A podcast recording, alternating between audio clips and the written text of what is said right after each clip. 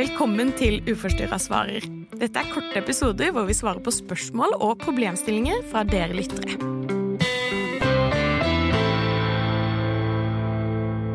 Ja, vi har fått et spørsmål. Det har vi. Og det er så mye som hvordan finne tilbake igjen til treningsgleden? Ja, og da ligger det jo i det spørsmålet at man ikke lenger har treningsglede. Mm. Eh, Og så har man kanskje hatt det før. Og så Ja. begynner jeg å tenke på en person som kanskje har trent for mye, sånn at det har blitt belastende på kroppen. Eh, Men det kan også være noe annet som har skjedd på trening. Det er jo liksom noe som ligger bak der som vi ikke helt riktig vet. da. Ja, og så er det jo også Veldig mange har jo også en form for treningsangst, ikke sant? At man, man Det er så innmari mye kropp på treningssenteret, og at det er vanskelig å finne den treningsgleden igjen, fordi at det er så prega av at uh, man ønsker å gå ned i vekt, så alt bare handler om at jeg vil ned i vekt, og da påvirker det uh, den treningsgleden. Så jeg tenker at uh, Egentlig så er det et ganske vidt spørsmål, eh, som vi må snakke litt sånn generelt om. Men eh, jeg tenker at det kan eh, være på veldig mange ulike måter, da. Ja, for det kan jo også være at man har brukt trening som flukt for å komme unna vonde følelser, eller trening som eh, straff for å ha spist noe. Um, ja, så skal vi Skal vi ta det fra vårt utgangspunkt? Skulle vi, skulle ha spurt deg om hvordan du For jeg Ja. vet du har trent på en måte som ikke ble bra, og så Ja, absolutt. Altså, eh, det har jo tatt meg lang tid å finne tilbake igjen til treningsgleden.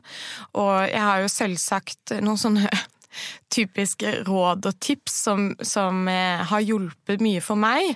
Eh, Men så er det jo liksom viktig, ok, det kan være at det ikke hjelper for deg, ikke sant?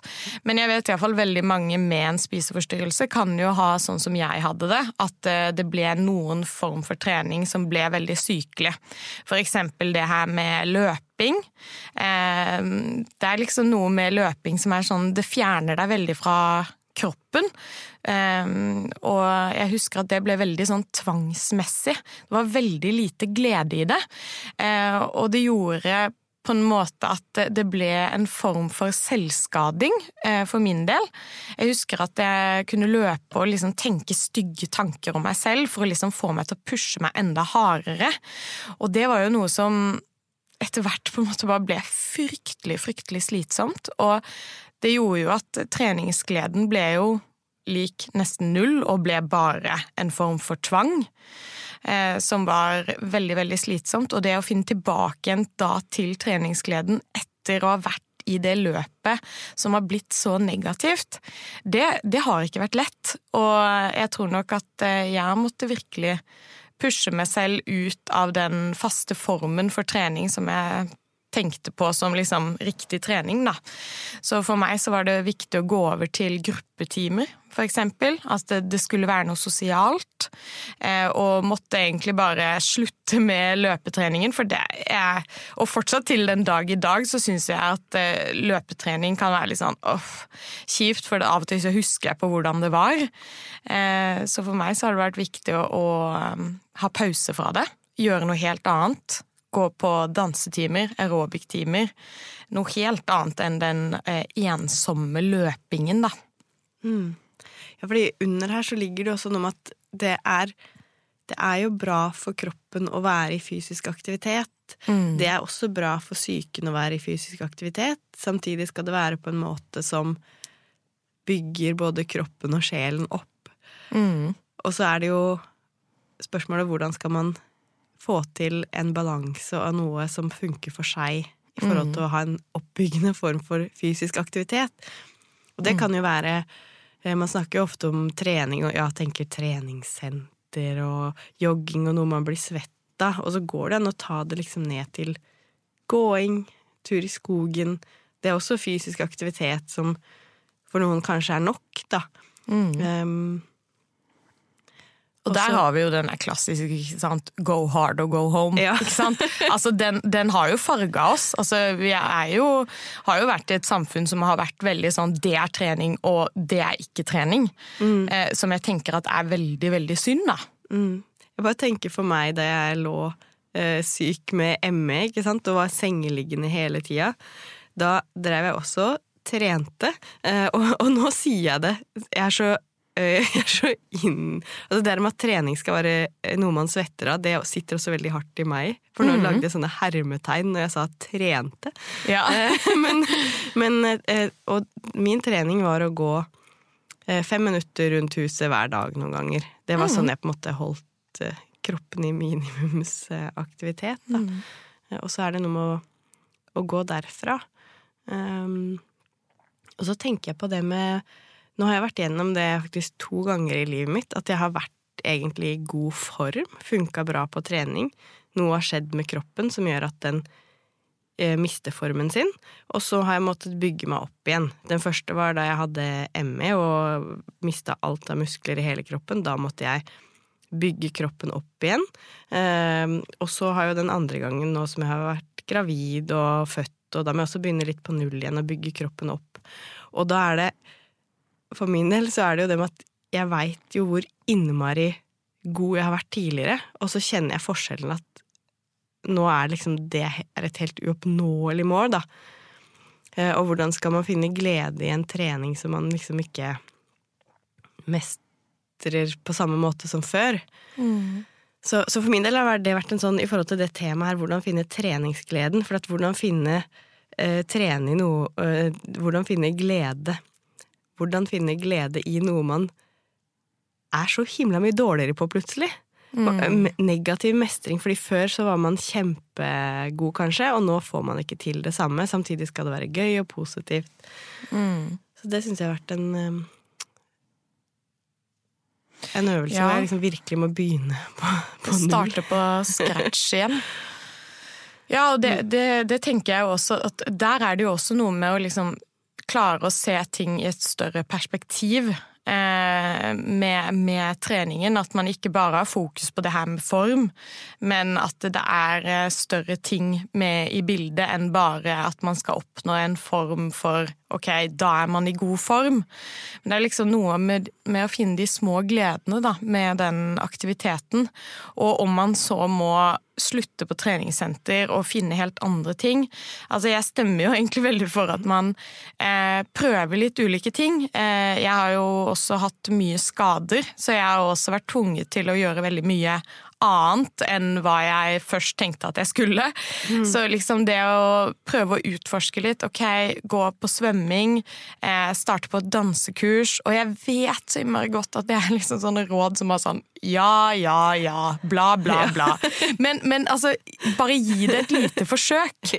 Og så tenker jeg jo også, det jeg også syns er veldig viktig å, å si i denne episoden, er jo det at veldig mange med en spiseforstyrrelse eh, er ikke helt klar over hvor stor del treningen er av spiseforstyrrelsen. Og det syns jeg er veldig viktig å få kartlagt. Fordi at, og jeg ønsker liksom at folk skal vite det at treningen er på en måte Den kan være todelt, da. Den kan være veldig veldig bra, og så kan den være dårlig også. Så det er liksom noe med å finne ut av hvordan er den dårlig for deg, og hvordan er den bra for deg. Og, og det med å klare å utfordre seg selv med å lytte til kroppen, det, det sier vi jo hele tida, men, uh, men det er noe med at kanskje av og til så må du gå på trening selv om du ikke har lyst, men ha det i bakhodet at du kan få lov til å gå til timen, og hvis du kjenner at det her er helt håpløst, så kan du få lov til å snu i døra. Og det er jo noe vi har snakka om tidligere også, eh, at, at, det faktisk er lov å snu.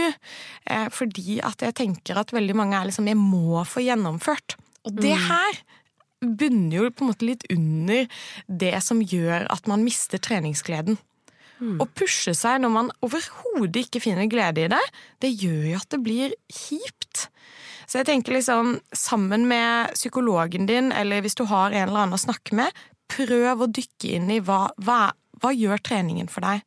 Hvordan, hva slags rolle spiller den? Er det sånn at du må trene for å kunne nyte? Ok, da får man, da får man satt den på plass. Så jeg tenker det er jo helt uh, alfa og omega å få litt oversikt over det, og tørre å gå inn i det. Det er ingen som skal ta fra deg treningen. Det er ingen som skal gjøre noe, noe store greier, men prøv å utforske hva den egentlig gjør for deg. Mm. Å sette nytt treningsmål som handler om treningsglede.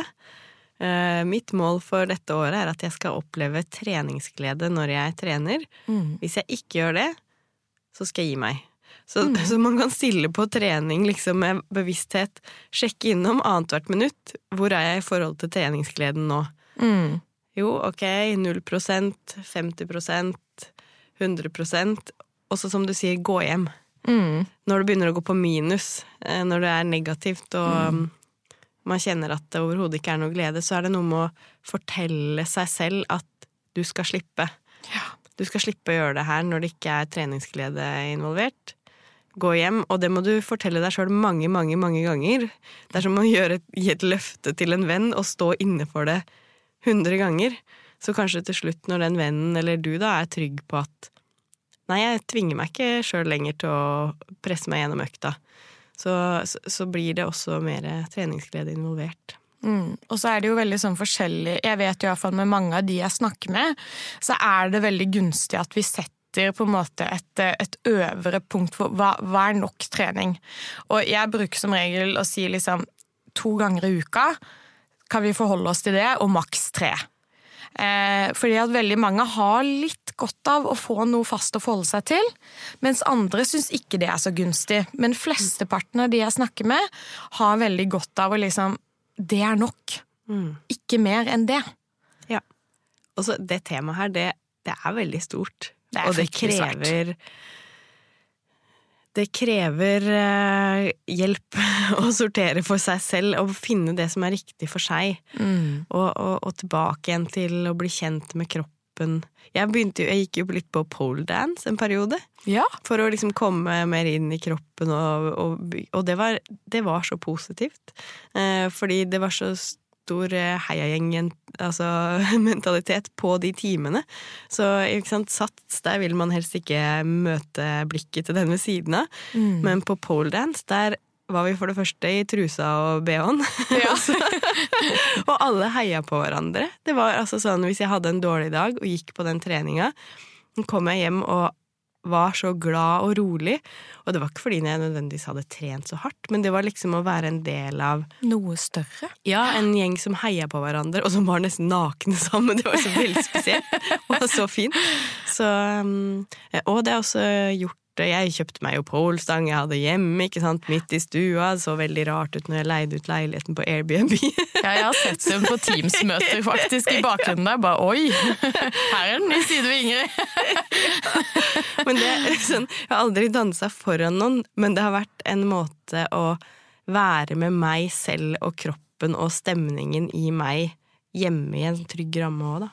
Ja, så fint. Og jeg tenker, ikke sant, altså, sett sette ned målene sine. Det er liksom, hvem er det man har de der svære målene sine for? Det er jo egentlig sånn Sånn som med meg, så er det liksom Når koronaen kom, så var det liksom treningssentrene stengte og sånt. Og da var det jo sånn at ok, da begynte jeg å lure litt på kanskje jeg skal jogge litt. Grann. Og for meg så var det en sånn her fantastisk følelse å jogge så usannsynlig sakte. Det har jeg sagt tidligere i mm. koronaepisoden min. At jeg, jeg begynte med noe som heter gogging ekstremt sakte jogging.